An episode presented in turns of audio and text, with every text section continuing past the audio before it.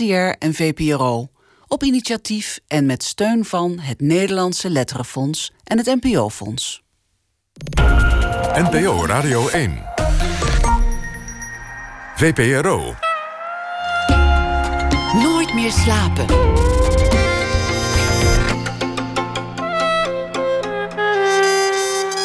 Met Elvie Tromp. Welkom bij Nooit meer slapen. Ja, er lijkt geen einde te komen aan de stroomverhalen over seksueel grensoverschrijdend gedrag. Gisteren nog vertelde actrice Salma Hayek over hoe Harvey Weinstein, die grote boze filmmagnaat waar dit mee is begonnen, ook haar belaagde. We blikken straks terug op de MeToo-beweging van dit jaar en de heftige reacties die daarmee gepaard gingen. Schrijver Thomas Hirma van Vos leest straks een verhaal bij het nieuws van de afgelopen dag. En komend uur zit tegenover mij correspondent Juri Boom. Hij werd opgeleid tot historicus, maar vond de levende geschiedenis boeiender dan wat achter ons lag. Hij werd oorlogscorrespondent. Hij schreef de boeken Iemand moet het doen, waarin hij mensen aan het woord laat die het vuile werk voor anderen opknappen, en Als een nacht met duizend sterren. Over zijn tijd als oorlogsjournalist in Oeruzgan. Daarmee won hij de Dirk Scherpenzeelprijs. Eerder won Boom het Gouden Pennetje en werd hij genomineerd voor de Tegel. Hij was lange tijd buitenlands correspondent in onder andere India en vanaf januari keert hij terug bij de bureauredactie van de Groene Amsterdammer, waar hij zijn journalistieke carrière begon.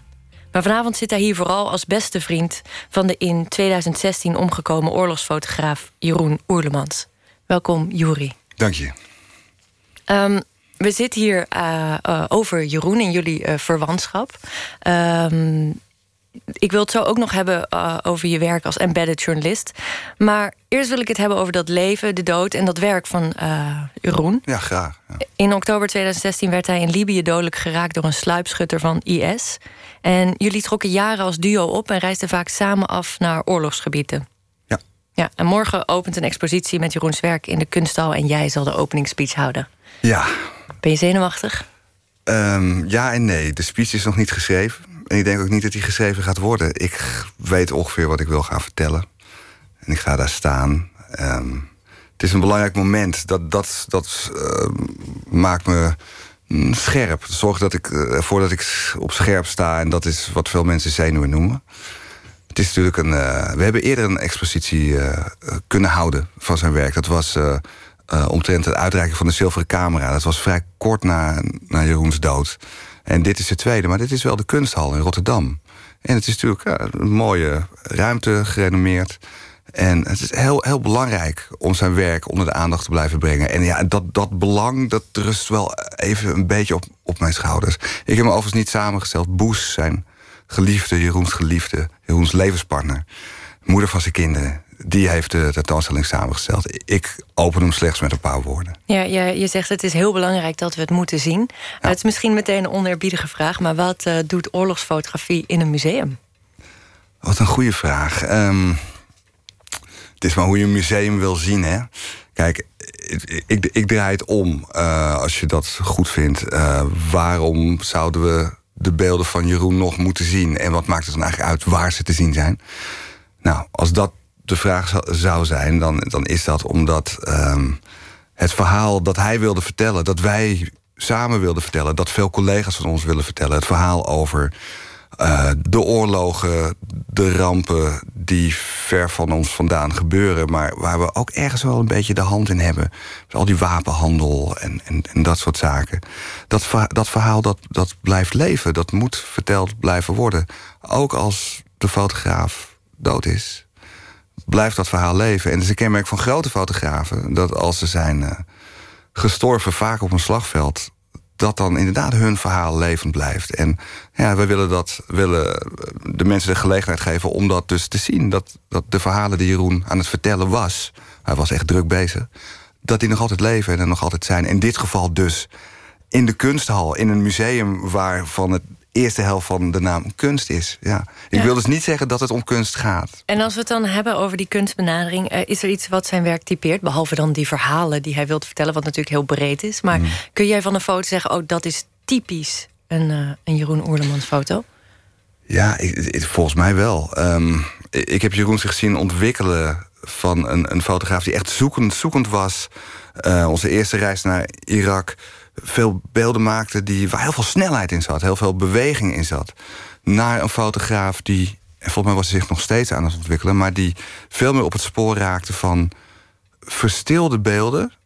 Waar toch ook vaak nog wel een zekere snelheid in zat. Het is een, heel mooie foto van vrouwen in burka. Het is eigenlijk een heel verstild beeld, maar je, je ziet dat ze lopen, je ziet de burka's wapperen dat is een echte oerlemans in mijn ogen. en die zou ik ook herkennen. Ik mocht inderdaad uh, alvast even een sneak peek nemen in de expositie. En die foto met de boerka's, dat was ook opvallend qua kleur. Ik vind zijn kleurgebruik ook heel opvallend. Want die blauwe boerka's die knallen echt van dat beeld. En hij bewerkte zijn foto's niet, toch? Nee, eh, hij, hij deed wel iets. Uh, ik zat er vaak bij. Um, dan was ik nog aan het tikken. En dan, uh, dan lag Jeroen zo half op zo'n aftans hotelbed. En ik vond dat, dat hij het zo makkelijk had. Want dan was hij dan met zijn laptopje bezig. Een beetje dit, dat. En dan keek je, nou, deze foto, deze foto. Zei hij, doe het, kom eens kijken. En dan liet hij zien. En dan had hij soms... Uh, dan deed hij iets aan belichting, bijvoorbeeld. Zag ik dan. Vind je meer zo, meer zo. Maar kleuren, absoluut niet. De kleuren die hij vastlegde waren de kleuren. De composities waren ook de composities. Misschien sneed hij er een keer wat af. Weet je, maar het was altijd uh, vrijwel volledig het beeld dat hij had afgedrukt. Dat was een van de dingen die mij opvielen aan hoe hij fotografeerde. Want ik weet ook hoe sommige andere fotografen dat op een andere manier doen. Ja. ja. Wat mij zo trof was dat de mens altijd centraal stond in de beelden. En dat het niet alleen een mix is van oorlogsfotografie, maar ook van intieme beelden, portretten van zijn uh, ja, jonge gezin. Ja. Uh, wat het zo, zo ontzettend schrijnend maakt, natuurlijk. Ja. Heb jij een uh, favoriet beeld van de expositie?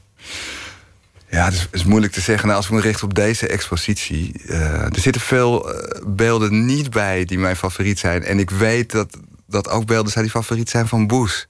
Dus hij heeft het heel zwaar gehad, heeft ze me ook verteld, met het uitkiezen van de foto's. Want je wilde, ze een bepaalde samenhang krijgen in verstilde beelden en andere types beelden. En de beelden uit Amsterdam, zoals ze in de tentoonstelling heten, de beelden van het gezin.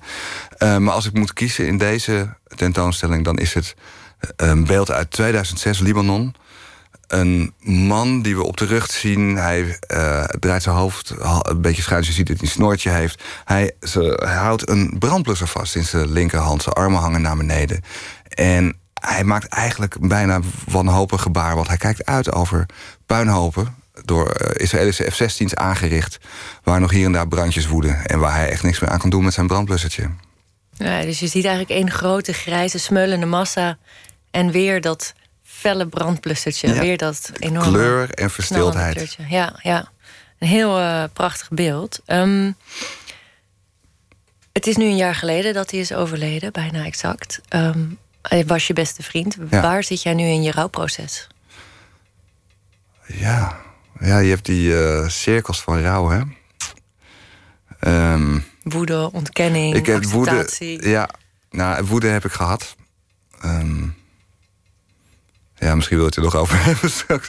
Nou, woede is bij mij zelf weggegaan dat ik op een gegeven moment heb uitgezocht van hoe kom ik terecht bij de Peshmerga. Je wou ze zelf even oh, ja. een lesje gaan leren. Oh, ja, ja, ja. Ja, maar ik heb veel oorlog gezien en al vaker in mijn leven besloten dat ik daar niet aan deelneem. En dat heb ik nu opnieuw moeten doen. Gebeurt dat wel eens? Uh, uh, oorlogsjournalisten die overlopen naar een partij en uh, zich laten recruteren? Ja, volgens mij wel. Dit, ik kan nu even niet op namen komen. Maar, nou ja, god. George Orwell, hè, misschien is een van mijn helden. Het is natuurlijk uh, schrijver-journalist was hij, maar die vocht in de Spaanse burgeroorlog. Oh god, ik ken hem alleen van het boek. Ik heb geen idee. Uh, ja, ja, hij heeft vele geschreven. Hij is een van mijn inspiratiebronnen. Maar uh, ik weet nu niet even namen. Ik weet zeker dat het gebeurt. het is, je hebt journalisten die, die, die in mijn ogen, dat is mijn smaak, te activistisch te werk gaan. En je had het bijvoorbeeld in de tijd in Latijns-Amerika. weet je, jaren tachtig, veel van die opstanden activistische journalisten die dan heel erg genegen zijn om de guerrilla te steunen. En ja, dat hoef je niet alleen met wapens te doen. Dat kan natuurlijk ook met, met woorden. woorden of met andere type daden. En dan, ja, dan kies je natuurlijk ook partij. Dat gebeurt wel. Maar dit, dit, deze gedachte over de Peshmerga... en dat ik dat ging uitzoeken, dat, was, dat hoorde bij het rouwproces. En dat is maar heel kort heel serieus geweest. En daarna keek ik mezelf aan in de spiegel dacht ik... ik heb twee dochters. En wie dit ook gedaan heeft, ik ga hem of haar nooit vinden. Het zou een vrouw kunnen zijn geweest, de sniper. Want er waren vrouwelijke snipers actief van Islamic State. En eh, wie ik ook de grazen zou nemen... ik richt zelf wel verdriet aan. Ik vernietig mijn leven. Een ander leven. Een leven van misschien wel kinderen van deze man of vrouw. Het leven van mijn kinderen. Dus nee. En nu? Waar ben je nu? Ja, waar was Na ik nu? de- Dat, de- dat is de vraag. Nou, acceptatie, eh, no way. Oh, Ik heb eh, op mijn werktafel staat een, eh, schuin tegen de muur staat een portret van Jeroen. En ik heb gewoon echt geregeld dat ik eh, langs mijn tafel loop naar dat portret kijk en dan denk, dude, what the fuck? Weet je wat, wat is dit? Waar, dit kan toch niet dat, dat je. hè, dat je, dat je niet meer langskomt, dat je niet meer me opbelt. Dat je, is toch belachelijk. Dus, de- dus de acceptatie, daar zijn we nog niet. Eh, het is ook niet meer zo dat ik word overspoeld door oceanen van verdriet. Dat is wel geweest. Eh, dus ergens tussenin, tussen eh, verdriet en acceptatie, denk ik, ja. Ja. Om even te benadrukken hoe close jullie waren. Ja. Ehm, je moeder die was ook bij de uitvaart en die zei: dit, is, dit, is, dit ben jij. Dit had jij kunnen Ja. zijn. Vond je dat zelf ook? Nee. Ehm, maar ik vond het heel mooi en heel. Ja, hier is geen woord voor. Van toen mijn moeder dat zei. Mijn moeder zei tegen mij: Ja, Joer, het klopt. Het, het, het klopt. Jullie, jullie zijn hetzelfde. Jij, jij had dit kunnen zijn. Jullie hadden ook heel veel overeenkomsten. Hè? Ja. Hij had ook historicus, eh, his- eh, geschiedenis gestudeerd. Nou, nee, hij had polit Oh. politicologie gedaan. Maar de dingen, als we zijn in dezelfde maand geboren, hetzelfde sterrenbeeld. eh, we gewoon dezelfde drang. Ehm, we hadden ook niet eh, heel diepzinnige gesprekken. Want dat was helemaal niet nodig. Nee. Omdat Zie, je dat vaker onder journalisten in oorlogsgebied? Dat er zo'n soort broederband vormt? Je bent zo op elkaar aangewezen. Hmm. ja, Of waren jullie dan toch wel echt daar uniek in? ik, ik- ja. Nou, in mijn kringetje wel, wel re- redelijk uniek volgens mij. En wa- wat heel mooi was. De reden dat ik dat durf te zeggen is dat ik begon te merken al vrij snel. Dit was denk ik een half jaar of een jaar dat we samen dingen deden, Jeroen en ik. eh, dat mensen ons ook gingen zien als een twee-eenheid. De redactie van de Groene Amsterdammer. Waar ik eh, werkte toen Jeroen en ik voor het eerst samen op pad gingen. Dat was in 2003, eind 2003. Nou ja, het duurde nog een half jaar. Of eh, we werden echt als een eenheid gezien. En Jeroen, ik werkte daar, ik had mijn bureau daar. En Jeroen die, die kwam daar continu. En ja, we werden eigenlijk met z'n tweeën als eenheid gezien en aangesproken. Dat was blijkbaar natuurlijk, dat straalden we kennelijk uit. Ja, Zo werden jullie ook ingehuurd. ja bij de Groene Amsterdammer zeker. Algemeen Dagblad ook, Nieuwe Revue. Ja, eigenlijk wel, ja. En hoe Ja. lang eh, hebben jullie zo innig samengewerkt? Nou, eh, onze eerste reis was dus eind 2003. Onze laatste gezamenlijke reis was in, in 2013 ergens. Naar Afghanistan. Ehm, tot 2010 hebben we echt heel intensief reizen gemaakt. Een paar keer per jaar. Ehm, en daarna ben ik het wat rustiger aan gaan doen. Eh, en in 2012 ging ik als correspondent voor NOS en NRC... of althans eerst NRC, later NOS... naar eh, Zuid-Azië. Je zei het al, India, maar er hoort ook Afghanistan bij. En Pakistan, dus ik kon lekker weer mijn ding doen in Afghanistan. Ehm, Jeroen die bleef achter. Ehm, dus het is eigenlijk tot en met 2010 intensief. En daarna we bleven natuurlijk gewoon de vrienden die we waren. Daarna was het werken minder eh, intensief. Maar we hadden een afspraak gemaakt dat we. eh, hij wist dat ik zou terugkomen. Dat was in voorbereiding, vlak voordat hij werd gedood. En we zouden weer gaan samenwerken. En Jeroen vond dat we echt naar het front moesten. En ik vond dat we daar een stapje vandaan moesten blijven. En eh, ja, ik, ik had het zo graag gedaan. Met Ja. hem nog dingen, mooie dingen maken. Ja. Want jullie hadden geen praatvriendschap, hè? dus je kon niet zeggen van waar ben je nou mee bezig. Het was een man die ja, drie jonge kindjes achterliet. Ja, ja, geen praat. Het is zo ingewikkeld, weet je. Het is wat we wisten toch wel zo'n beetje alles van elkaar. En hoe dan? Waarschijnlijk door omdat we dat elkaar wel vertelden. Maar we hadden het nooit over onze vriendschap bijvoorbeeld. Van, hoe gaat het nu met ons? Ja, nee, ik, ja, ik had wel andere vrienden. Ook echt een he- hele goede eh, vriendin bijvoorbeeld. eh, die daar wel af en toe over begonnen. En ik ook met haar. Maar Joel en ik nooit. Het was gewoon heel normaal. Daar praat je niet over. Dat is niet nodig. Teken van een goed huwelijk, lijkt me. Ja. In eh, begin dit jaar schreef je een heel mooi openhartig stuk... over het verlies van je vriend in Jan Magazine. En ik wil je vragen om een stukje voor te lezen. Ah, oké.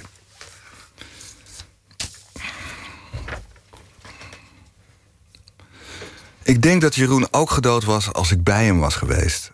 we zouden dan tegelijkertijd rennend de straat zijn overgestoken om het de sniper lastig te maken. Er zou één schot hebben geklonken en Jeroen, niet ik, zou zijn gevallen. In dat geval zou ik de rest van mijn leven een hoopje ellende zijn geweest, wegens mijn falende rugdekking. Dat heb ik eigenlijk helemaal niet goed opgeschreven. Wegens, wegens uh, ik zou dan gefaald hebben in het hem verschaffen van die rugdekking. Ja, nou, het beschermen, dat is duidelijk. Ja. Um, denk je dat hij dood moest gaan? Ja, dit is een beetje. Het is natuurlijk een één stukje uit een artikel. En dit. Je zou dat bijna denken. Um, ik vond het een uh, sterk staaltje wensdenken. Ja. Nou, weet je, de, de gedachte hierachter is veranderd bij mij. Daarom is het heel interessant dat je dit stuk. Uh, dit wist ik niet van tevoren, dat je dit, dit stukje hebt genomen. Um, nee, ik was er niet van overtuigd dat hij wel moest sterven. Um, ik denk dat ik er in de, in de tijd dat ik dit stuk schreef. Het was, eh, ik heb nog nooit zo'n ontzettend moeilijk stuk geschreven. Het heeft me bijna mijn liefdesrelatie gekost. Oh ja? Hoe, ja. hoe had dat. Wat ja. gebeurde er dan? Nou ja, omdat ik zo. Ik ging met, uh, met Annette, mijn, uh, mijn geliefde. En, en eindelijk de vrouw in mijn leven met wie ik gewoon tot het einde wil uitdienen. Dat heeft Jeroen ook gezien een soort van zegen gegeven aan onze relatie. We moesten, zij moest dingen verwerken, als ik en Jeroen ook goed. Ik natuurlijk al helemaal. Wij gingen naar Goa in India op vakantie om uit te blazen. En intussen zou ik even dit stuk schrijven voor Jan Magazine. Een stuk dat ik zelf had voorgesteld. Zij benaderde eerst mij met iets wat ik niet wilde laten. Zei ik, ik wil graag over onze vriendschap schrijven. Um, maar dat, ja, ik moest daarvoor zo in mijn ziel kruipen. En in mezelf kruipen dat ik... Uh, ja, in een relatie moet je er toch wel zijn voor elkaar. En ik was er gewoon, ik was helemaal weg. Dat was even heel moeilijk. Maar wat er veranderd is. Um, wat ik, waar ik mee bezig was, denk ik, toen ik dit opschreef, is um, toch uh, het mezelf vergeven dat ik niet bij hem was. En ik heb altijd gezegd: je hebt geen schuld, je hebt geen schuld. Nou ja, dat zeg je natuurlijk als je ergens vindt dat je dat misschien wel hebt. um, ik heb het natuurlijk niet. Maar het was kennelijk nodig dat ik voor mezelf uh, een reden vond, voelde, maakte. Dat het oké was dat ik er niet was. En uh, ja. Je hebt hem eerder uit de brand geholpen. Um, ja. Hij werd namelijk ook een keer ontvoerd. Ja. Door rebellen. Ja, ja, ik zit nog even helemaal in, die, in, in dit. Ja, Ga ik 2012. Snel? Nee, gaat niet snel. Maar het, het, ik wist dat het zou gebeuren, maar uh, er zijn heel veel gedachten en gevoelens. En dat raast dan door je heen. Maar je gaat zeker niet te snel. En het is heel terecht dat je die stap maakt naar 2012. Dat Jeroen wordt ontvoerd in Syrië. Ja. Door uh, rebellen van uh, Jabhat al-Nusra. gelieerd destijds aan Al-Qaeda. Um, jij was niet bij hem, maar je werd gebeld. Ja, ja, door Bush. Door zijn vrouw? En, ja. Want Jeroen had jou als noodnummer van als er ooit iets met mij gebeurt... Ja. Wel Jury. Ja. Want wat, wat, wat kon jij doen wat andere mensen niet voor hem konden doen? Um, jeetje. nou ja, uh, waar, waar, ik goed in hoor te zijn en ook wel ben, denk ik, is in netwerken afschuimen en uh, des, desnoods uh, met alle daartoe geëigende middelen mensen zover krijgen dat ze mij vertellen hoe het zit. Um, daarnaast is het zo, en daar gaat het om. Daarom stonden Jeroen en ik elkaar altijd bij en wilden we elkaars bijstand, ook als we niet ter plekke waren, uh, tot de dood toe doorgaan om je maat te redden. Ja. Dat is die rugdekking die we elkaar gaven, elkaar beschermen. En uh, ja, als een van ons in een mijnenveld terecht was gekomen, dan zou die ander hem niet zomaar laten liggen. Maar uit zijn best doen, prikkend, prikkend, om hem te bereiken en weg te halen. Het is geen keuze eh, om, om, om je makker stervend achter te laten. Nou way. Nee. En dat wisten we van elkaar. Dus vraag je dan om elkaars hulp. Ja. En hij kwam levend en wel terug destijds? Ja, ja, dat was niet omdat ik dat nou zo briljant deed. Want de Turkse inlichtingendienst die had het even gefixt. Oké, en hij, maar schreef je wel een bedankbriefje? Ja, ja dat heb ik meegenomen. Ja. Dat liet ik je zien voor, vlak voordat we begonnen. Omdat ik het, het was laatst heb gevonden bij het uitruimen van um, de spullen die uit India arriveerden. Ik, ik, ben nog maar twee maanden terug. Dit ontving ik in India. Um, Jeroen was er uitgekomen. En we hadden daar natuurlijk nog even in, in Istanbul nog even waren we samen geweest. En hij heeft, hij heeft mij een geschenk gestuurd om me te bedanken. Dat was een, uh, een reiskoffer en een vet dure, kan ik je vertellen. Dat is een, een hele mooie. Ik mag het merk vast niet noemen. Hij schrijft, en dit is het enige wat ik heb in zijn handschrift.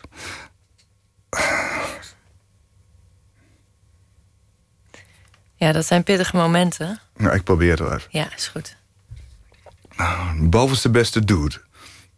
Hier een kleinigheid als dank voor de vriendschap.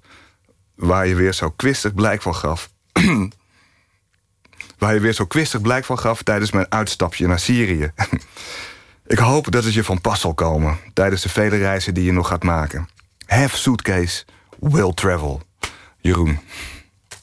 Prachtig. En ook zoveel humor, toch? erin. Oh man, zoveel zelfspot. Ja. Dat is wel iets wat we ook. deelden. Dat is wel fijn.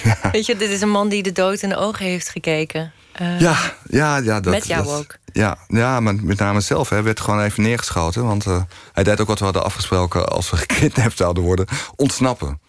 Maar dat deed hij op zijn blote voeten in de woestijn... met heel veel stenen en met een blinddoek om. Dus hij kwam niet zo ver. hij werd neergeschoten op zeer korte afstand... door eh, een van die hufters met een AK-47, groot kaliber. Kogel, grote snelheid van dichtbij. Ging dwars door hem heen naar binnen bij zijn lies. En eruit door, eh, eh, door een bil. En daar zit dus een, een van je belangrijke slagaders loopt Ja. daar langs. En door je dijbeen niet geraakt. eh, schaambeen niet geraakt. het door God gegeven zeer belangrijke instrument niet geraakt.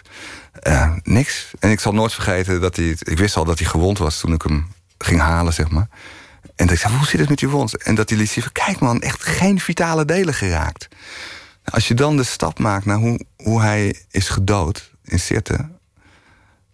dat zal ik je gewoon alleen maar de feiten geven. Dat is dat hij rende, hij rende een straat over met gewoon helm op, scherfvest aan.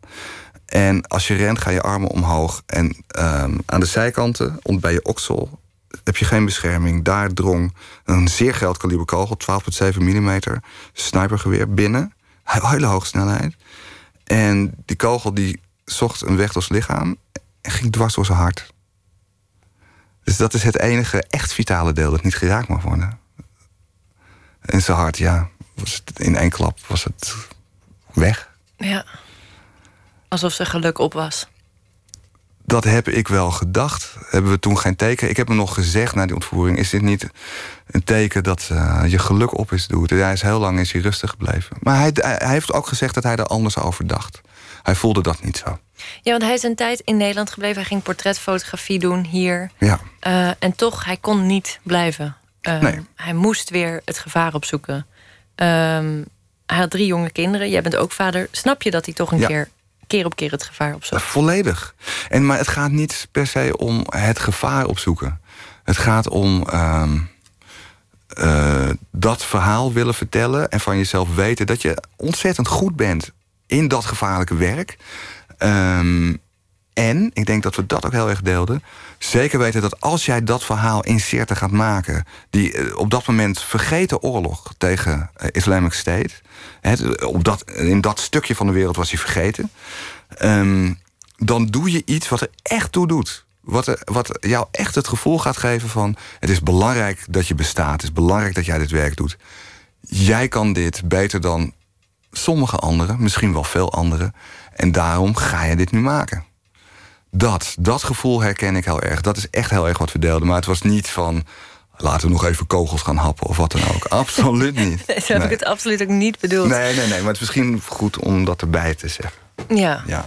Nou, ook omdat je vaker spreekt over de adrenalinekick die Ja. het geeft. En Ja. ehm, Daar ben ik altijd heel open in geweest. Ja. Jeroen heeft het nooit verbloemd, maar die sprak er minder over. Maar we hebben wel echt op de idiootste momenten... dat, dus laat ik even heel blasé zeggen... normale mensen zouden denken... ik wou dat ik hier niet was. Elkaar aangekeken en gehighfived. dachten, vet. We zijn hier. We zitten in de film. En we doen het, weet je. Ja. En, en we brengen dit verhaal. En weet je, dat, ja, dat is natuurlijk adrenaline... en eigenlijk heel raar om uit te leggen. In de puurste vorm. Ik denk dat dat heel de mens in zijn natuurlijke vorm is. In ieder geval waren wij dat, of Ja. zijn wij dat in natuurlijke vorm. Want voor mij is Jeroen er nog wel hoor, hier of daar. Ja. In Syrië brak de oorlog uit en jij besloot correspondent in India te worden. Ja. Eh, wat deed je beslissen om daar naartoe te gaan? Ehm, ik wilde weg uit Nederland. Ehm, dat had met heel veel dingen te maken. Onder meer ook met uh, het klimaat, wilders en dat soort dingen. Ook met ehm, dat voor mij duidelijk was. Mijn jongste dochter werd geboren in 2010. In 2012. Uh, eh, eigenlijk eind 2011 werd bekend dat ik correspondent kon worden voor NRC Handelsblad in India. Dus eigenlijk vrij snel daarna. Uh, het was voor mij duidelijk dat ik niet meer naar die oorlogen moest trekken. En er ontstonden nieuwe heftige oorlogen, ja, Syrië. En ik voelde van, dat trekt heel erg, maar ik moet het niet doen. En hoe kan ik dat nou voorkomen? Nou, door bijvoorbeeld correspondent te worden... in een gebied wat niet zo heftig is. Dat klinkt als een hele emotionele beslissing... voor iemand die toch uh, uh, redelijk, ja, misschien angstloos... dapperder door het leven gaat dan de meesten? Mm, dat durf ik niet te zeggen of dat zo is. Ik ben vast voor andere dingen bang dan sommige mensen. Um, maar een emotionele beslissing was het wel. Ik beslis heel veel dingen op emotionele wijze. Althans, vanuit emotie, ja. Ja. Um, die rusteloosheid, speelde die je parten? Ja, enorm. Ja. Uh, ik heb bijvoorbeeld aan, uh, aan, aan Marten... de uh, lange tijd mijn, mijn partner en de, en de moeder van onze dochters... Ik heb één keer in mijn leven een zeer belangrijke beslissing heb ik op moeten terugkomen. Dat is dus de beslissing aan Marten, of de belofte op moeten terugkomen. De belofte aan Marten. Uit, vanuit mijzelf, ze vroeg er niet om, dat ik zou stoppen met oorlogsverslaggeving. Dat was. Nee, dat was voor de geboorte van Bobby, van onze uh, oudste.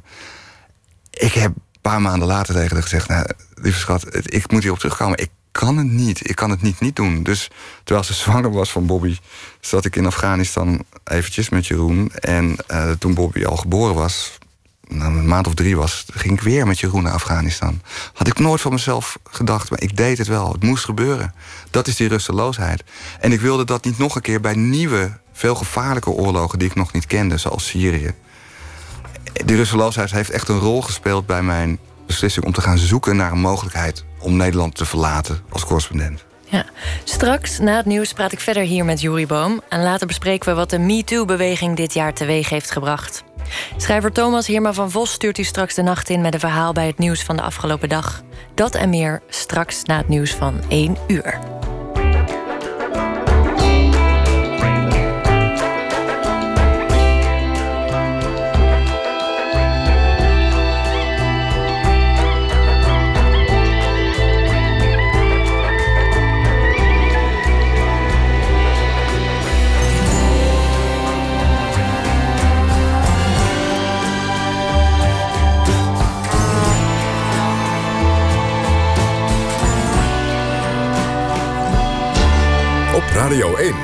Nieuws van alle kanten.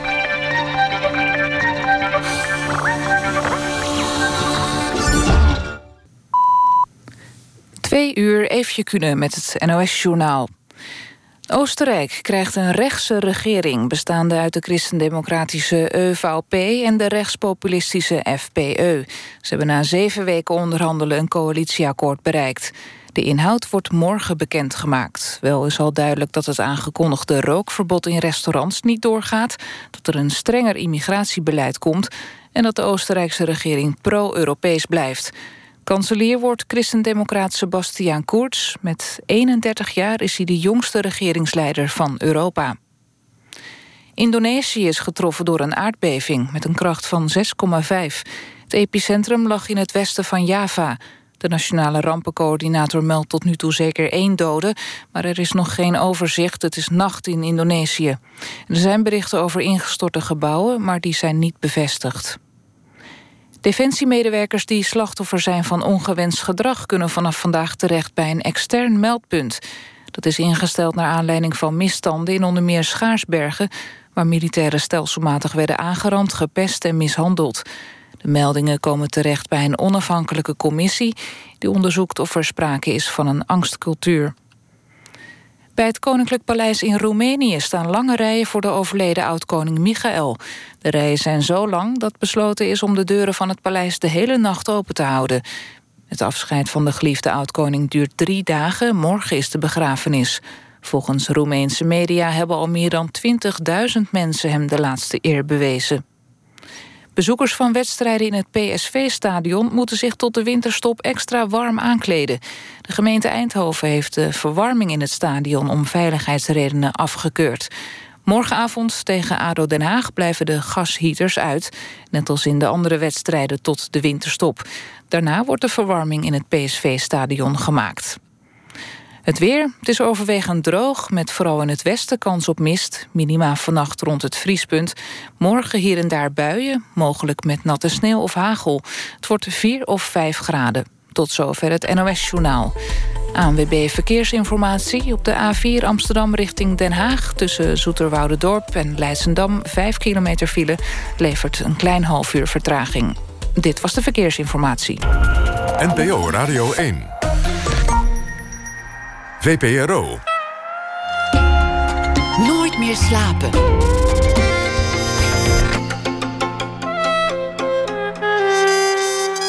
Met Elvie Tromp.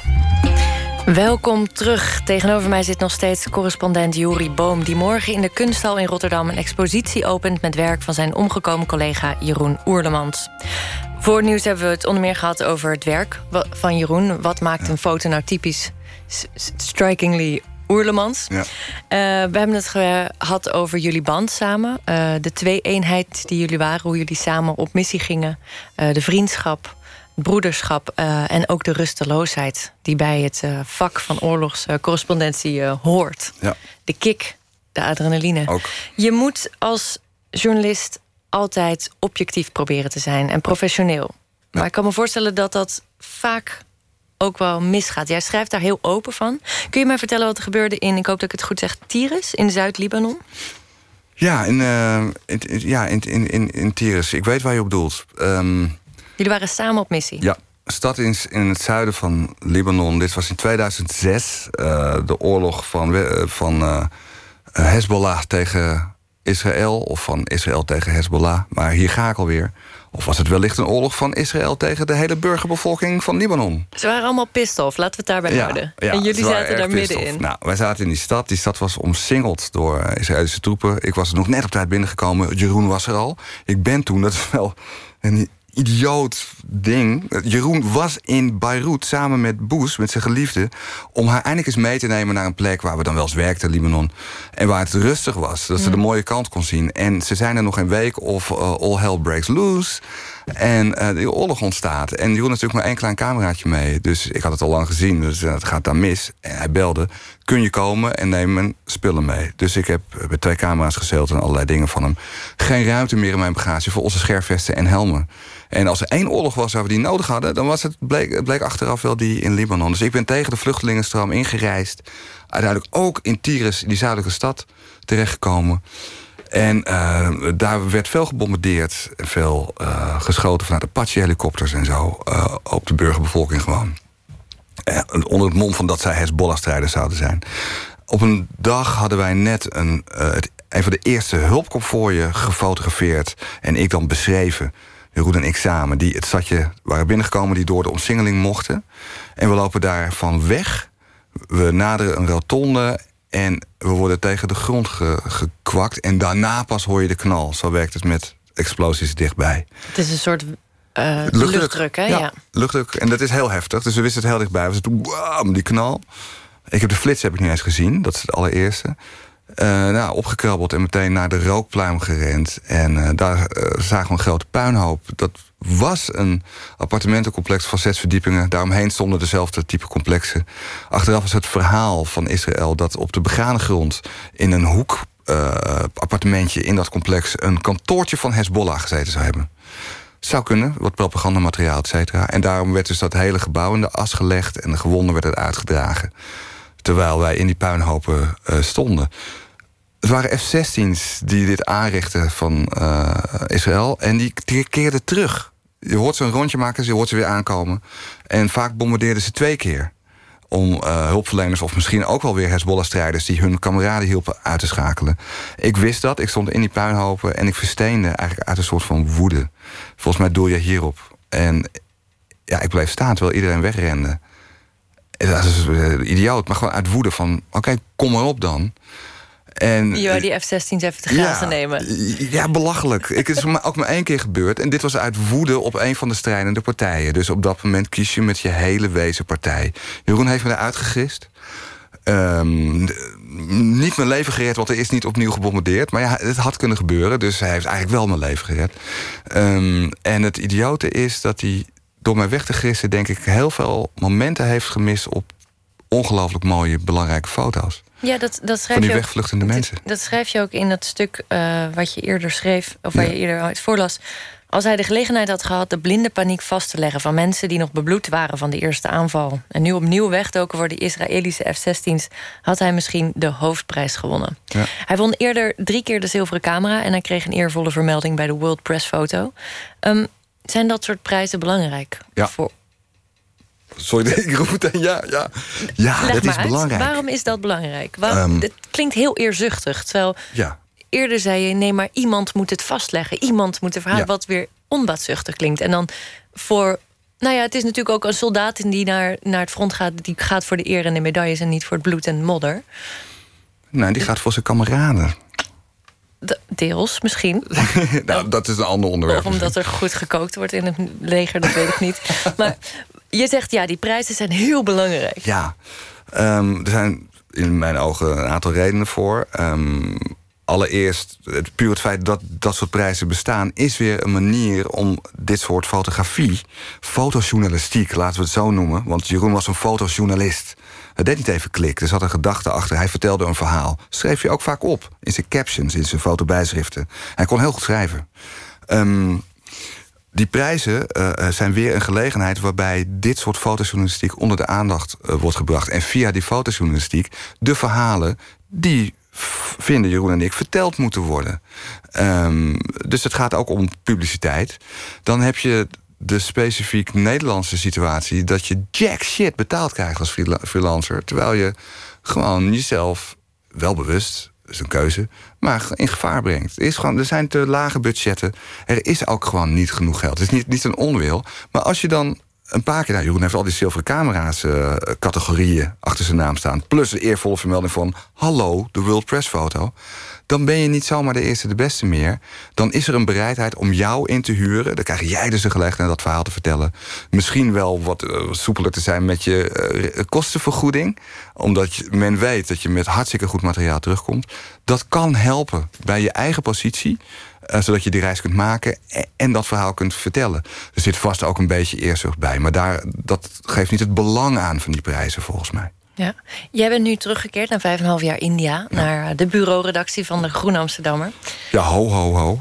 Ik ga niet achter een bureau zitten hoor. Oh nee, sorry. Oké, ik heb het fout begrepen. Wat, eh, wat ga je uitspoken bij de Groene Amsterdammer vanaf januari? Ja, onder meer dus achter een bureau zitten. Maar ik wou het zeggen. Ik weet wat journalisten doen. ja, nee, maar het is wel de bedoeling dat ik eh, mijn energie eh, aanwend om eh, ook het land te gaan verkennen. Eh, het is Het eigenlijk- land Nederland? Het land Nederland. Het is niet 100% vastgetimmerd wat ik precies ga doen.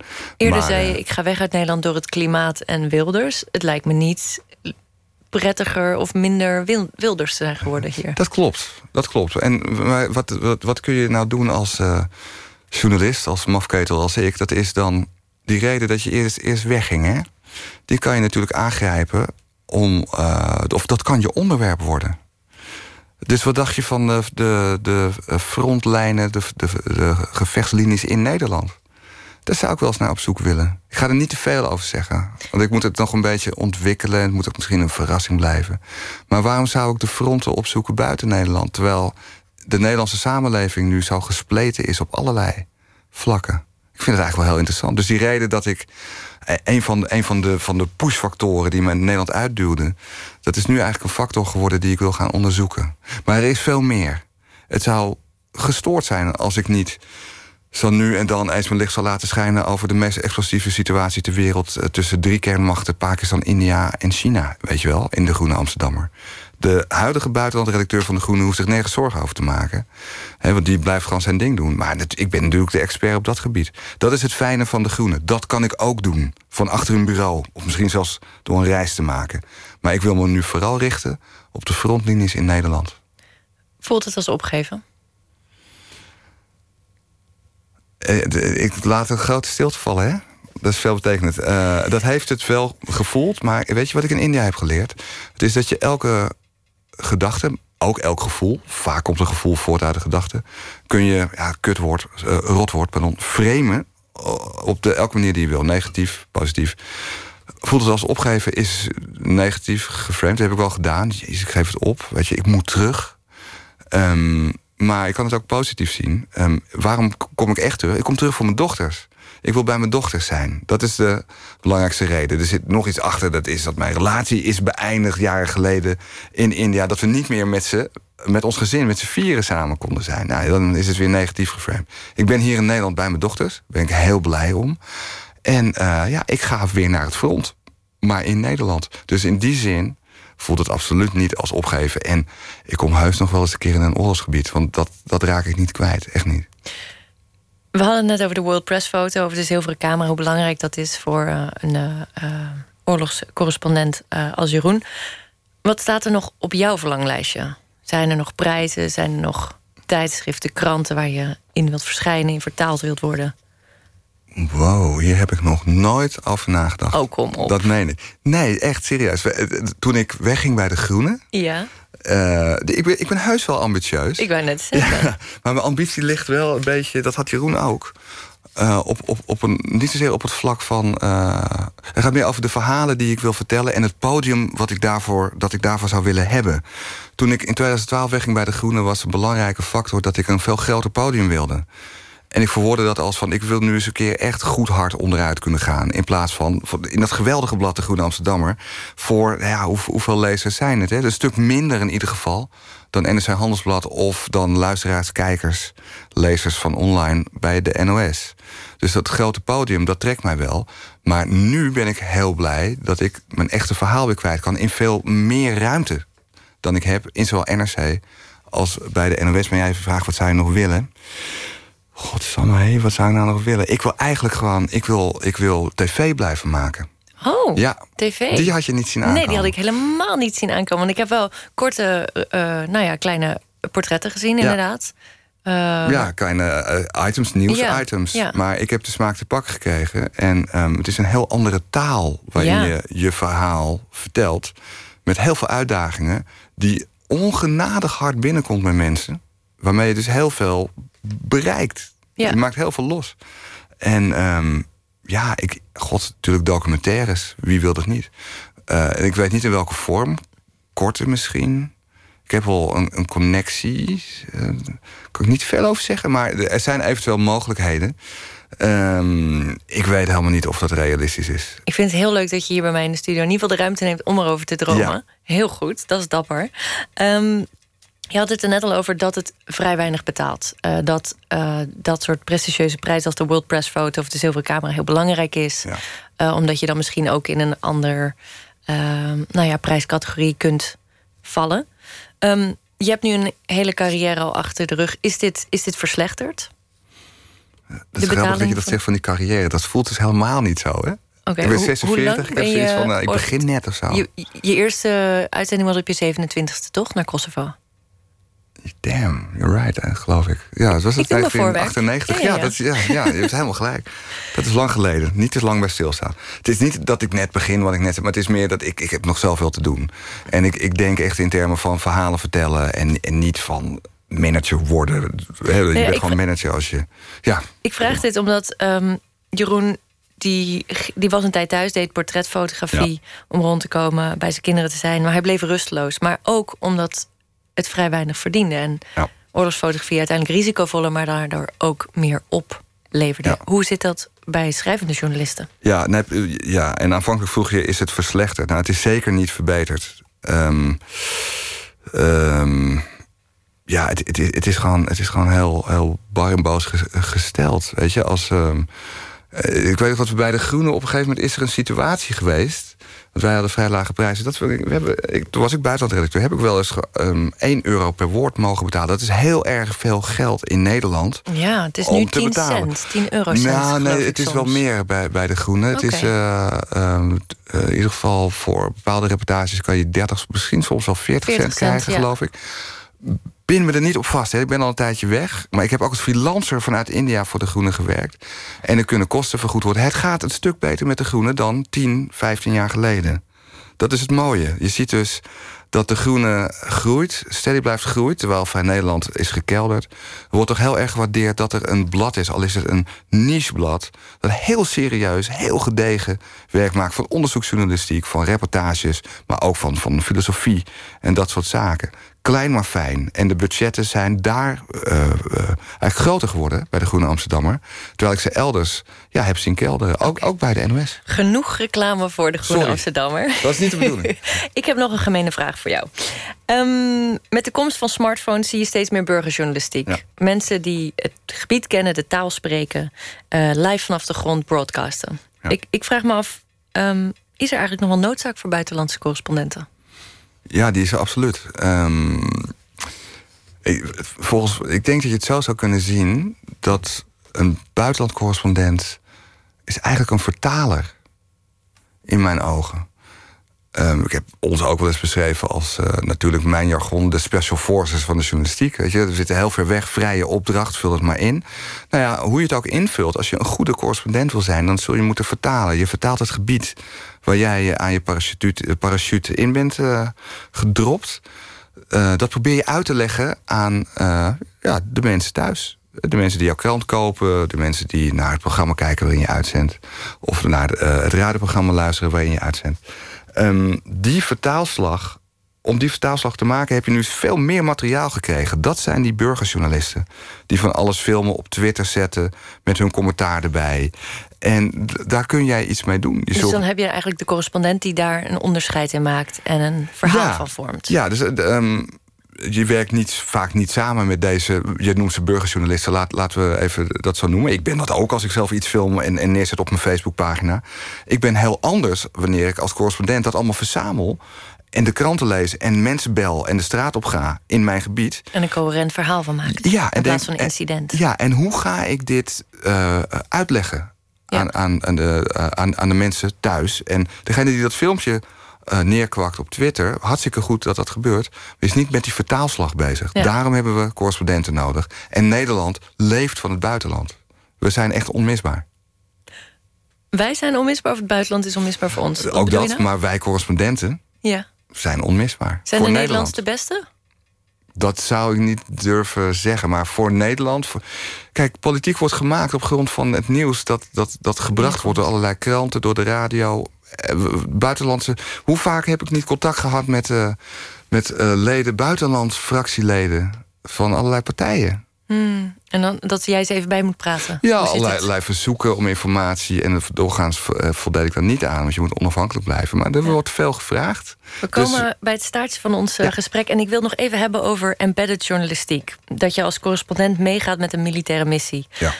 Um, in plaats van op eigen houtje een oorlogsgebied ingaat. Um, in je boek Als een nacht met duizend sterren laat jij je zeer kritisch uit over embedded journalisme.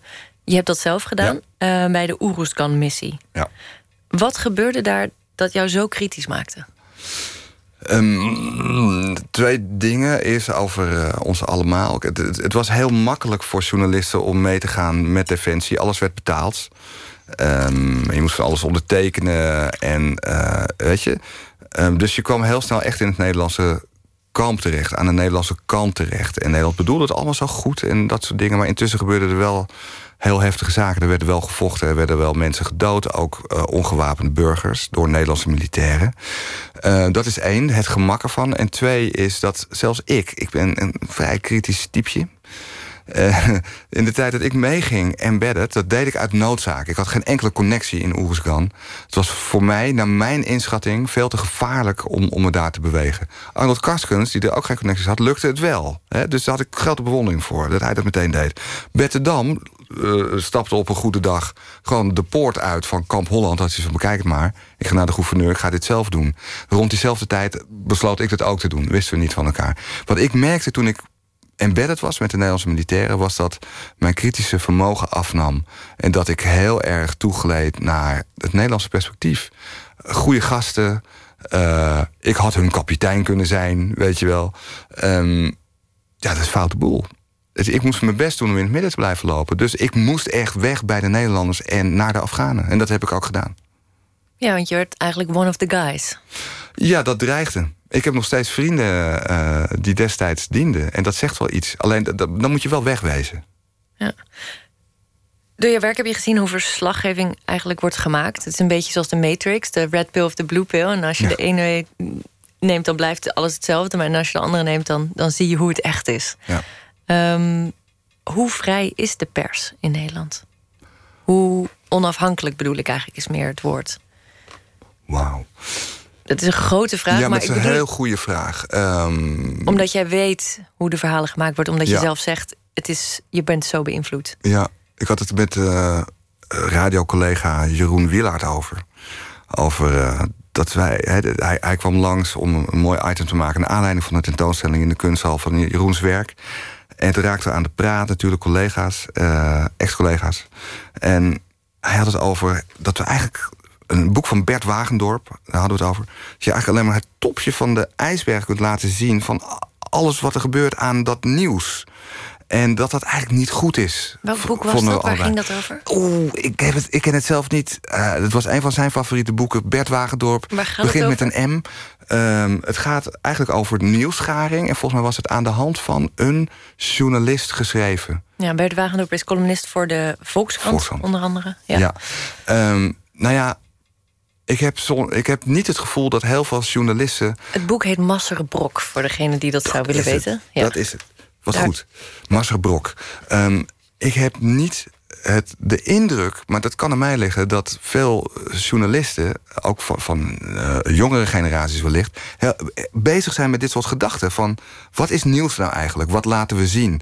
Als er een terreuraanslag is die uh, mislukt is of gelukt is, moeten we dan eigenlijk wel al die extra bulletins inlassen? Doen we dan eigenlijk niet gewoon precies wat de terroristen willen dat we doen, namelijk hun zaak onder de aandacht brengen? Kunnen we daar alsjeblieft eens een keer over discussiëren? We hebben het een keer geprobeerd, hè? Hier bij de NOS. Nou, dat was echt uh, de hoofdredacteur die dacht... die keek ons echt aan alsof we gestoord waren. Maar kwam je hier binnen zoals je dat deed bij, uh, bij die missie in Euroscan... dat je gewoon op het kamp inliep? Of uh, had je wel een afspraak gemaakt? Hoe, hoe bedoel je dat precies? je, je, zei, ik ga gewoon nu naar de gouverneur in Oeruzkan. Ik stap het kamp uit.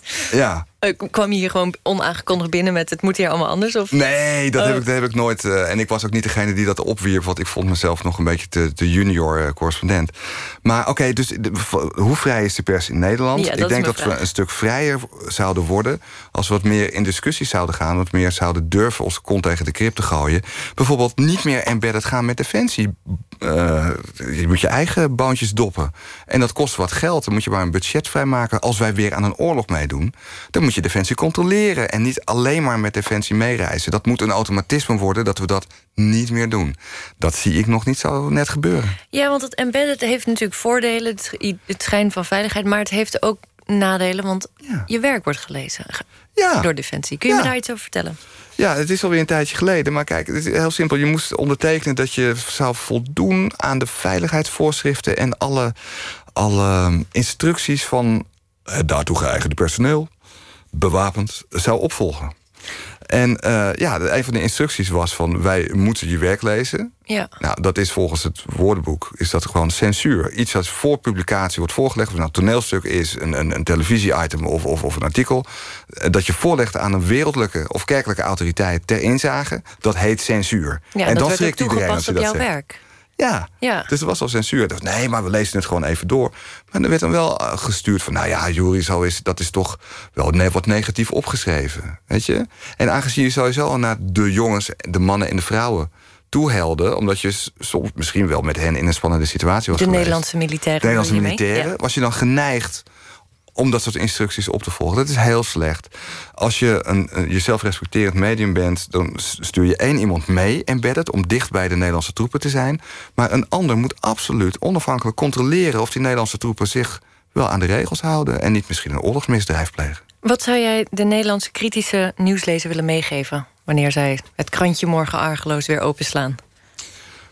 Nou, toch uh, om altijd, zeker bij reportages, het perspectief in de gaten te houden. Kijk maar eens naar de naam. Wie heeft dit geschreven? Uh, en, en blijf die, die vrouw of man maar, maar eens volgen. Vind ik dit een journalist die je kan vertrouwen? En uh, geeft hij of zij de blijk van de zaken van verschillende kanten te bekijken? Het verschilt vaak per journalist. En ik zal lezers adviseren, wees je daarvan bewust.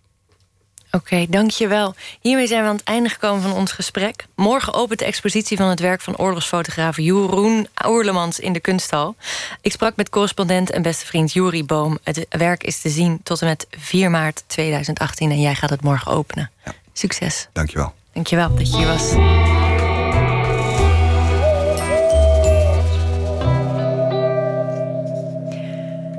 Ze vieren dit jaar alweer hun 20-jarige bestaan. De indie-rockers van Death Cab for Cutie. Van hun album Plans uit 2005 draaien we I Will Follow You Into the Dark.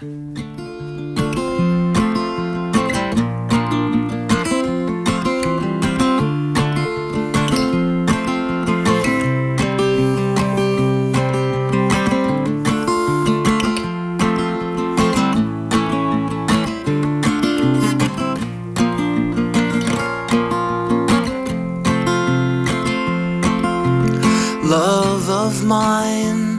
Someday you will die, but I'll be close behind. I'll follow you into the dark. No blinding light or tunnels to gates of white. Just our hands clasped so tight, waiting for the hint of a spark. If heaven and hell decide that they both are satisfied and illuminate the nose on their vacancy signs. If there's no one beside you when your soul embarks, then I'll follow you into the dark. In Catholic school, as vicious as Roman rule, I got my knuckles bruised by a lady in black. And I held my tongue as she told me, son, fear is the heart of love. So I never went back. And if heaven and hell decide that they both are satisfied, illuminate the nose on their vacancy signs. If there's no one beside you when your soul embarks, then I'll follow you into the dark. You and me have seen everything to see, from Bangkok to Calgary, and the soles of your shoes are all worn down the time for sleep is now, but it's nothing to cry about. Cause we'll hold each other soon in the blackest of rooms.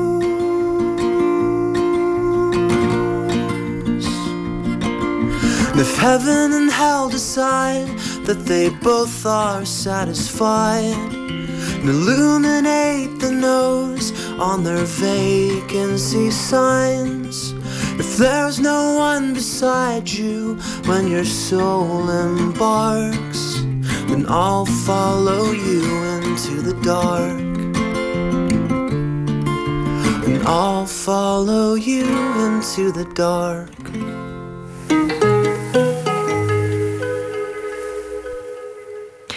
Elke week vragen we een schrijver of dichter om met proza te reageren op het nieuws van de voorbije dag. Deze week verzorgd door Thomas Heerma van Vos. Hij schreef drie romans en eerder dit jaar verscheen zijn non-fictiebundel Plaatsvervangers. Over zijn grote liefde voor muziek en over de kunst van het bewonderen. Thomas, goeienacht. Goeienacht, Elfie. Hoe uh, was de afgelopen dag voor jou?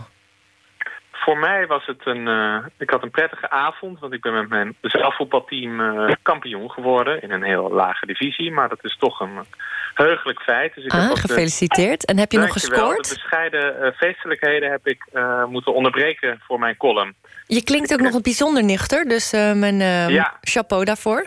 Ja, nou, dat, Ja, je moet er wat voor over hebben. Hè? De, de, maar ik sluit, ik sluit zo weer aan en dan heb ik beloofd in te halen. Dus, uh, oh, heel ik goed. heb mijn jas al bijna aan terwijl ik deze uh, column ga voorlezen en terwijl ik met jou spreek. Ik ga mijn column natuurlijk niet over mijn zaalvoetbalteam hebben, of natuurlijk niet, dat had gekund. Maar uh, ik werd de rest van de dag door iets belangrijkers bezig gehouden en dat is netneutraliteit. Ik weet niet of je daarvan gehoord hebt, dat was nu even... Ja, in Amerika is er uh, stront aan de knikker, als we het zo mogen zeggen. Digitale stront nog wel liefst. Ja, en dat, ik merkte dat dat mij best wel bezig hield.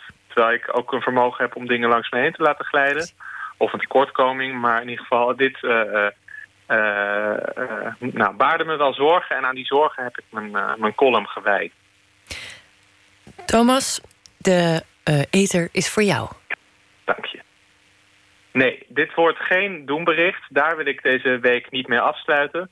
Maar toch, ik merk dat het me nu al 24 uur eigenlijk non-stop bezighoudt. Net neutraliteit.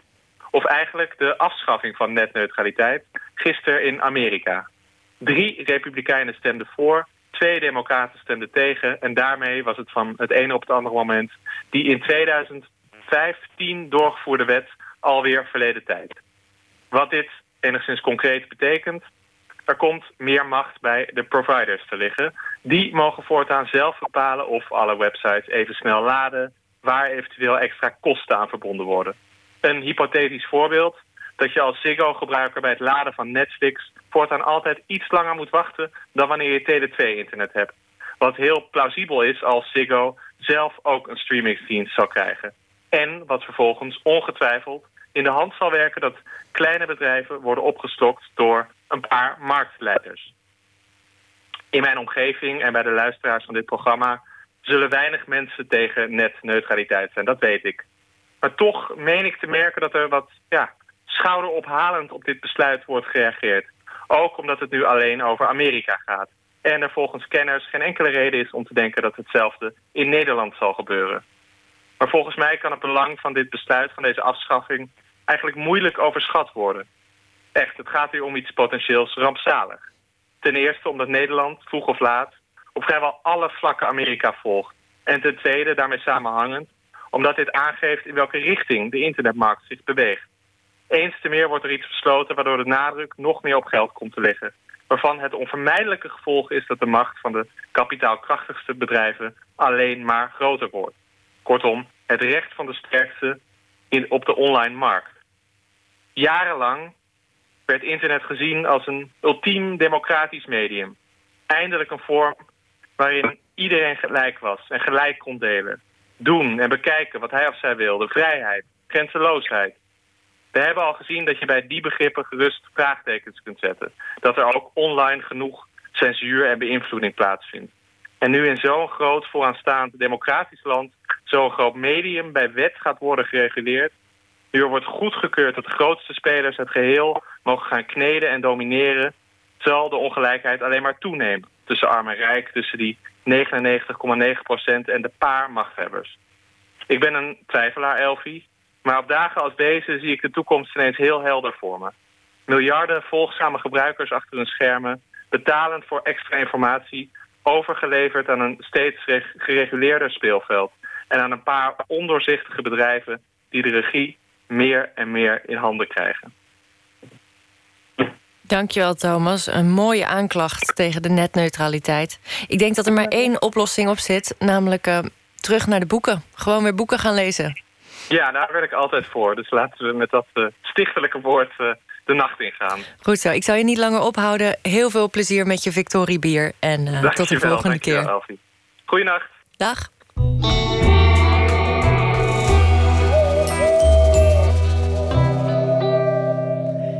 In de afgelopen maanden lieten vele vrouwen en enkele mannen met de hashtag MeToo weten dat ze slachtoffer zijn geweest van seksueel grensoverschrijdend gedrag.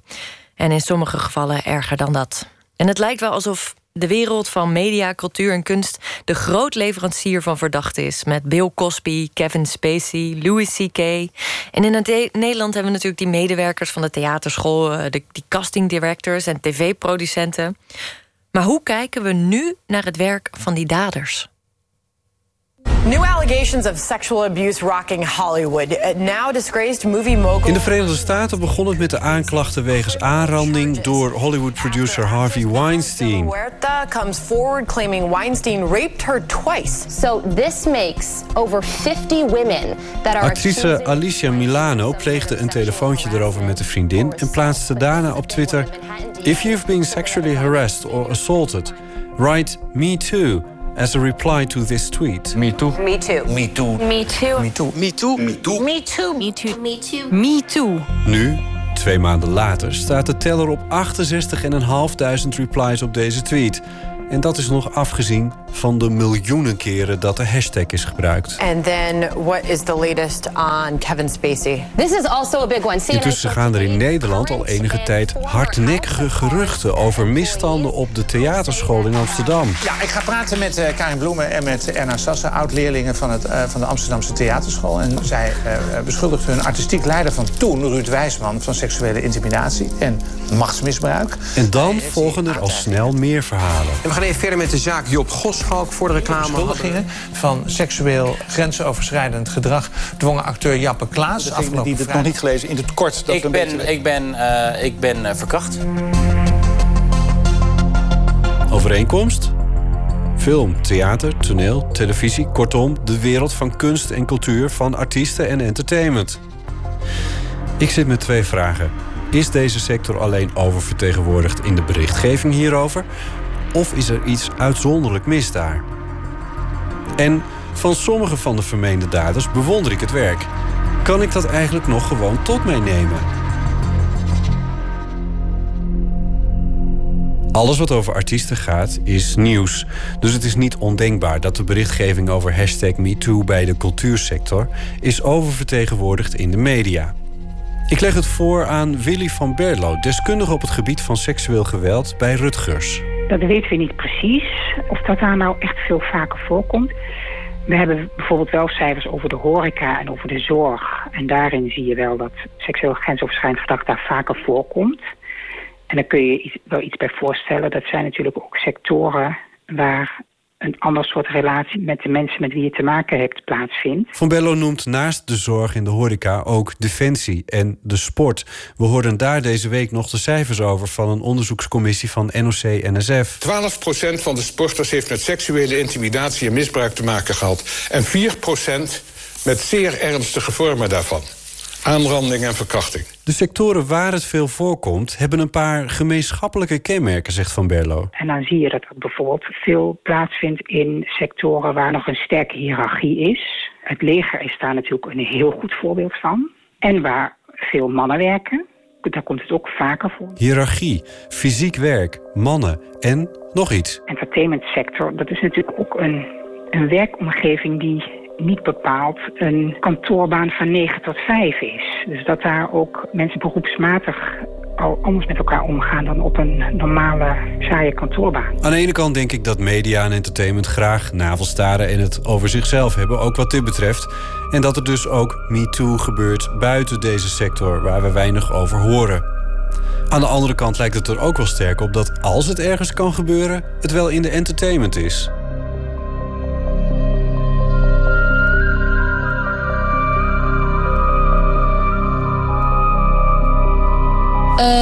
Het verhaal wat ik daarin wilde vertellen is eigenlijk eh, eerst heel erg eh, opgepakt, omdat het synchroon liep met het onderzoek wat Karen Bloemen was gestart. En eh, wat allemaal uitkwam in, in dezelfde herfst-zomer. Dus, maar dat is ook wel weer best wel snel ehm, ja, ja, verdwenen eigenlijk. Het is inmiddels alweer meer dan twee jaar geleden dat actrice en kleinkunstenaar Anne van Veen debuteerde met haar roman Wie ik aan het zijn was. Het vertelt het verhaal van een studente van een toneelacademie die een affaire krijgt met een 30 jaar oudere docent.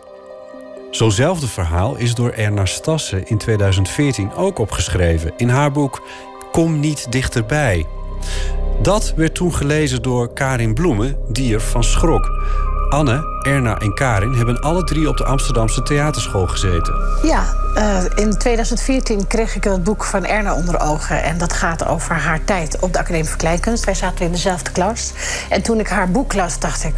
oh mijn god, dat wist ik helemaal niet. In datzelfde jaar moet acteur en docent aan die school, Jappe Klaas... de theaterschool verlaten door de beschuldigingen van seksuele intimidatie. In 2015 verschijnt de roman van Anne, die een sleutelroman blijkt te zijn. Dat gaat over Jappe. En daarin staat ook dat de artistiek directeur van die toneelacademie in het boek de hand boven het hoofd van die docent houdt. De artistiek directeur van de Amsterdamse theaterschool is Ruud Wijsman en die vertrekt in 2016. En dan wordt het stil. Anne van Veen blijft enigszins verbouwereerd achter. Qua kunst snap ik dat. Een boek wordt gewoon weer ingehaald door een ander boek. En uh, dat, zo gaat dat. En inhoudelijk uh, vond ik het wel een gemiste kans dat het niet meer uh, resoneerde, zeg maar. Het wordt oktober 2017. In de Verenigde Staten wordt Harvey Weinstein beschuldigd van seksuele intimidatie. De hashtag MeToo kwam er. En in Nederland verschijnen er artikelen van Joyce Roodnat en Saskia Noord in de kranten. Ook hier, MeToo. Ja, en die heb ik dus ook gezien bij Pauw die avond. Ja, toen ben ik ook ingestroomd. Klopt. En vanaf dat moment uh, heb ik eigenlijk elke letter gelezen en alles wat erover verscheen en gezien en gevolgd. En achter de schermen uh, heb ik zelf ook weer dingen geïnitieerd. Een volgende stap in het verhaal is dat zangeres Michelle Coutens op Facebook ook getuigt van seksueel intimiderend gedrag door de eerder genoemde Ruud Wijsman. Toen dacht ik wel van, hé, hey, ik heb ervaringen met Ruud die niet zo als heel veilig uh, waren uh, voor mij. dacht ik wel van, oh ja, precies. Dat stipt nog eens aan wat ik herken of waarvan ik meer verhalen weet, maar die nog anoniem zijn of onder het uh, tafellaken liggen, zeg maar. Je vertelde me net van uh, de, de gebeurde achter de schermen dan ineens bij jou weer heel veel. Wat gebeurde er? Nou, dat ik wel ehm, weer een soort van groep heb, vrouwen heb verzameld die ook actief waren twee jaar geleden. En dat was eigenlijk onmiddellijk weer gealarmeerd door die hele MeToo-beweging. Dat was een soort van synchroon, uh, hoi, hi, heb je het gevolgd? Ja, ik ook. En moeten wij niet, zijn wij niet weer aan zet? En dat bedoel ik met achter de schermen. Dat veel mensen mij opzoeken of dat ik weet wie ik daarin kan opzoeken... om te kijken of we samen een stem kunnen vormen... om uh, deel te nemen aan dit uh, doorbreken van deze cultuur. Want daar gaat het, Anne, om. Niet om naming en shaming, maar of die hele cultuur en die dynamiek van in, binnen machtsverhouding heb ik het dan over. Niet man en vrouw en een aai of een knie en zo. Maar echt binnen de machtsverhoudingen. Of dat spel, dat machtsmisbruik, of dat op brede schaal zeg maar helemaal erkend wordt en ook aangepakt wordt, dat weet ik niet. En zo kom ik bij mijn laatste vraag over hashtag MeToo. Kan ik het werk van de beschuldigde mannen nog tot mij nemen? Voor zover die keuze niet al voor mij is gemaakt. Kevin Spacey zal niet te zien zijn in een volgend seizoen van House of Cards, heeft Netflix bekendgemaakt. Kan ik nog kijken naar het werk van comedian Louis C.K., die voor zijn keiharde masturbatiegrappen minder fantasie nodig had dan we hoopten? Hier is Jerry Seinfeld in gesprek met Stephen Colbert over Bill Cosby, die door veel vrouwen is aangeklaagd voor aanranding en die voor hen beiden een groot voorbeeld was. Who was the comedian for you? Was there well, the person? comedian was Bill Cosby. Of course. Uh, those albums. I had Very never funny heard... fellow, right? Wonderfulness. Why is there air? Uh-huh. Greatest body of work. Mm-hmm. Uh, I, th- I think in comedy is his. Can you still listen to his comedy? Oh yeah. I just oh, can't, you I can't. I can't separate it. You can't separate it. I can't. Hmm. Well, to me, it's uh, because there's love there. There's there's love. Yeah, there's yeah, love there. yeah. I know it's tragic. Yeah. Uh, but comedy, you know, there's a lot of tragedy in comedy. Voor Seinfeld is Bill Cosby nog steeds een held, maar Colbert zegt dat hij de komedie niet meer los kan zien van de tragedie. In hoeverre vereenzelvig je het werk met de maker? Ik besluit de vraag aan Anne voor te leggen. Heb jij ooit een, uh, in, in, in de afgelopen jaren een toneelstuk of ander werk gezien waar uh, Jappe Klaas in speelde? Hé, hey, wat een goede vraag. Uh, ja, dat herinner ik me nu dus ook weer heel sterk. Ehm, na het verschijnen van mijn boek heb ik ongeveer een jaar daarna hem zien spelen in een stuk van het Nationaal Toneel, heette dat toen nog. As You Like It, denk ik was het, in de Schouwburg in Utrecht. En toen was het allemaal weer in rusten. Ik had het boek geschreven, dat is ook allemaal heel lang geleden. Dus toen dacht ik, ik kan wel naar zo'n toneelstuk met hem. Dat moet kunnen. He, stap eroverheen. Maar toen merkte ik wel, de hele voorstelling lang had ik wel echt een heel naar onderbuikgevoel. Een soort woe, grote weerstand, een soort ja, oud zeer, denk ik. Ja, dat vond ik lastig. Maar dat komt misschien ook omdat als hij een ander weerwoord had gegeven destijds, uh, niet de ontkenning, uh, niet het vluchten in, en noem maar op, dat ik dan misschien dat het moeilijk kijken is naar hem in een stuk, omdat hij die dialoog niet aangaat. Daar had ik mezelf een beetje in overschat. Dat ik dacht, dat kan ik wel, maar dat was niet zo fijn. Zou jij nog kunnen kijken naar stukken waar Kevin Spacey in speelt, bijvoorbeeld? Uh, de eerste seizoenen van House of Cards. Ik noem maar even wat. Ja, dat vind ik dus heel lastig. Want dan kom je bij de vraag van... Uh, oké, je weet nu iets van die persoon. De kunstenaar, de speler, de acteur. Uh, wat best wel nare informatie is. Maar ik moet wel zeggen, voor mezelf vind ik het vervelend dat ik het weet. Dus ik ben ook een liefhebber van House of Cards en van de acteur Kevin Spacey. Um, dus het kijkt wat lastiger. Maar ik probeer wel het onderscheid te maken tussen um, Kevin Spacey, de acteur, en Kevin Spacey, de persoon. Maar ik vind het heel lastig, want ik weet het wel. en zodra je iets weet, ja, dan weet je het. En dan is dat bezoedeld. Met defensie en met sport heb ik weinig te maken. Maar media, cultuur en entertainment zijn zo alom aanwezig. Daar kan je je moeilijk aan onttrekken. Maar we hebben ook een voorbeeldfunctie, vind ik. Dus als het in onze sector niet helemaal doorgeprikt wordt, is dat ook niet echt uitnodigend voor in andere regionen om daar eens even te zeggen van ja, een meneer of mevrouw uh, gaat hier even over een schreef. Dus dat is dus het staartje, denk ik. U luisterde naar een reportage van Botte Jellema. Hij sprak met actrice en kleinkunstenaar Anne van Veen. Anne staat overigens met haar nieuwe liedprogramma op 16 februari in het Concertgebouw in Amsterdam en op 17 februari in Vredenburg in Utrecht. Muziek nu. Dark Rooms is de band van de Amerikaanse muzikant Daniel Hart. Hij maakte de soundtrack voor de fantasyfilm A Ghost Story, die afgelopen maand in Nederland in première ging. Luistert u naar I Get Overwhelmed.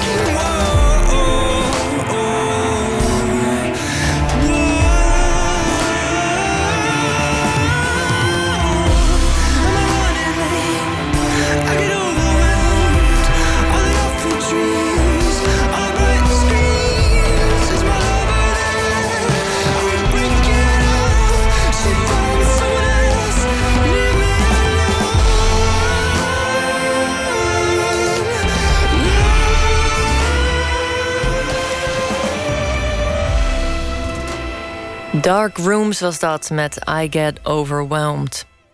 En dan gaan we nu door met poëzie van Simone Atanga Bekono. We spraken haar eerder dit jaar in Utrecht op de Nacht van de Poëzie, waar ze voordroeg uit haar bundel hoe de eerste vonken zichtbaar waren.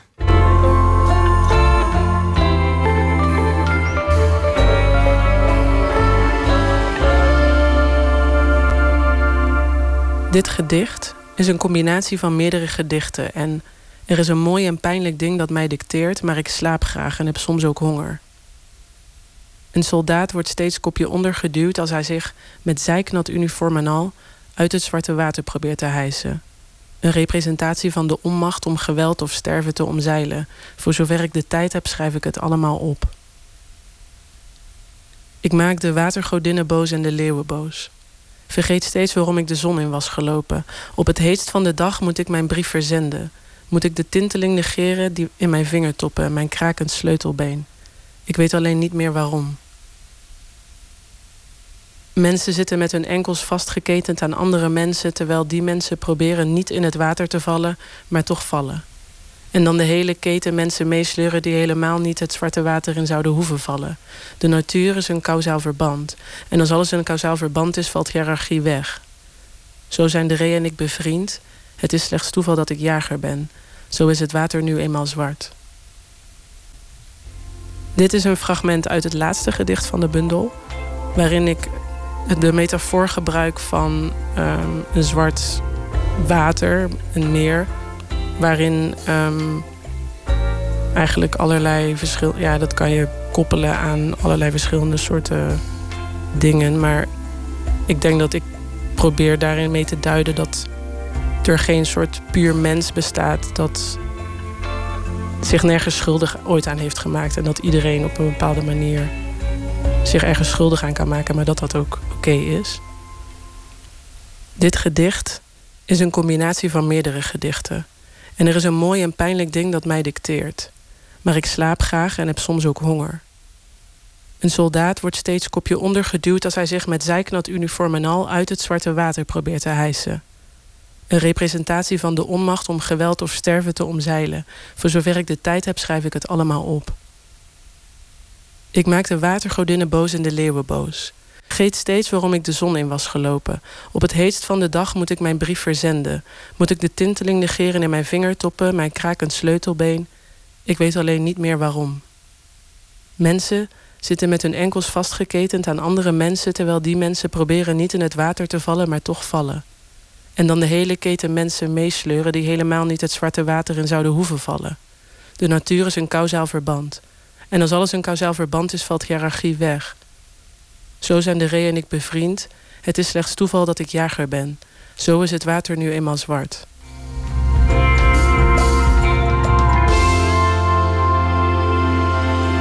U hoorde Simone Atangana Bekono met een gedicht uit haar bundel Hoe de eerste vonken zichtbaar waren. En volgende week is ze bij ons te gast. We sluiten dit uur af met muziek. Muzikant Charles Brown is van grote invloed geweest op de ontwikkeling van jazzy blues. Zeker aan het begin van zijn carrière in de jaren 40 en 50. En we draaien een nummer uit die periode, Black Knight.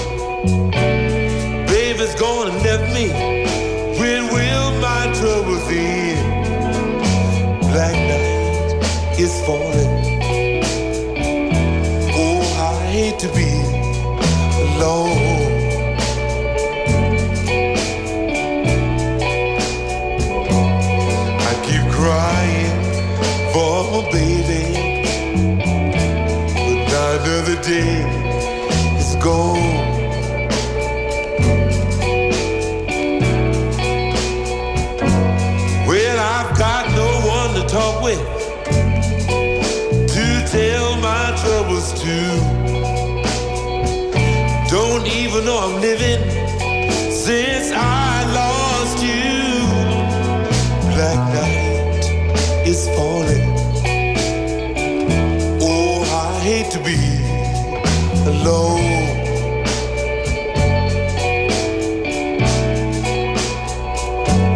I'll keep crying for my baby, but now another day is gone.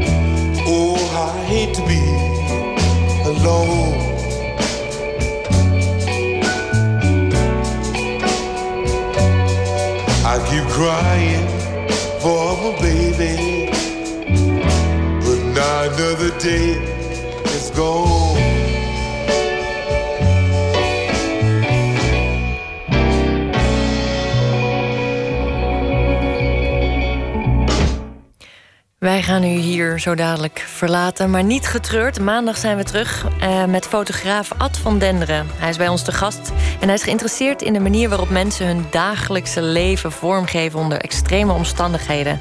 Al bijna 25 jaar volgt hij met zijn camera dagelijks leven in Israël en de Palestijnse gebieden. Deel van deze foto's is samengebracht op de tentoonstelling Jeruzalem Stone, te zien in Huis Marseille in Amsterdam. Dat onder meer maandag. En straks kunt u luisteren naar de Nacht van de Radio met Malou Holshuizen. Ik wens u een goede nacht toe. Tot snel. Tot nooit meer slapen.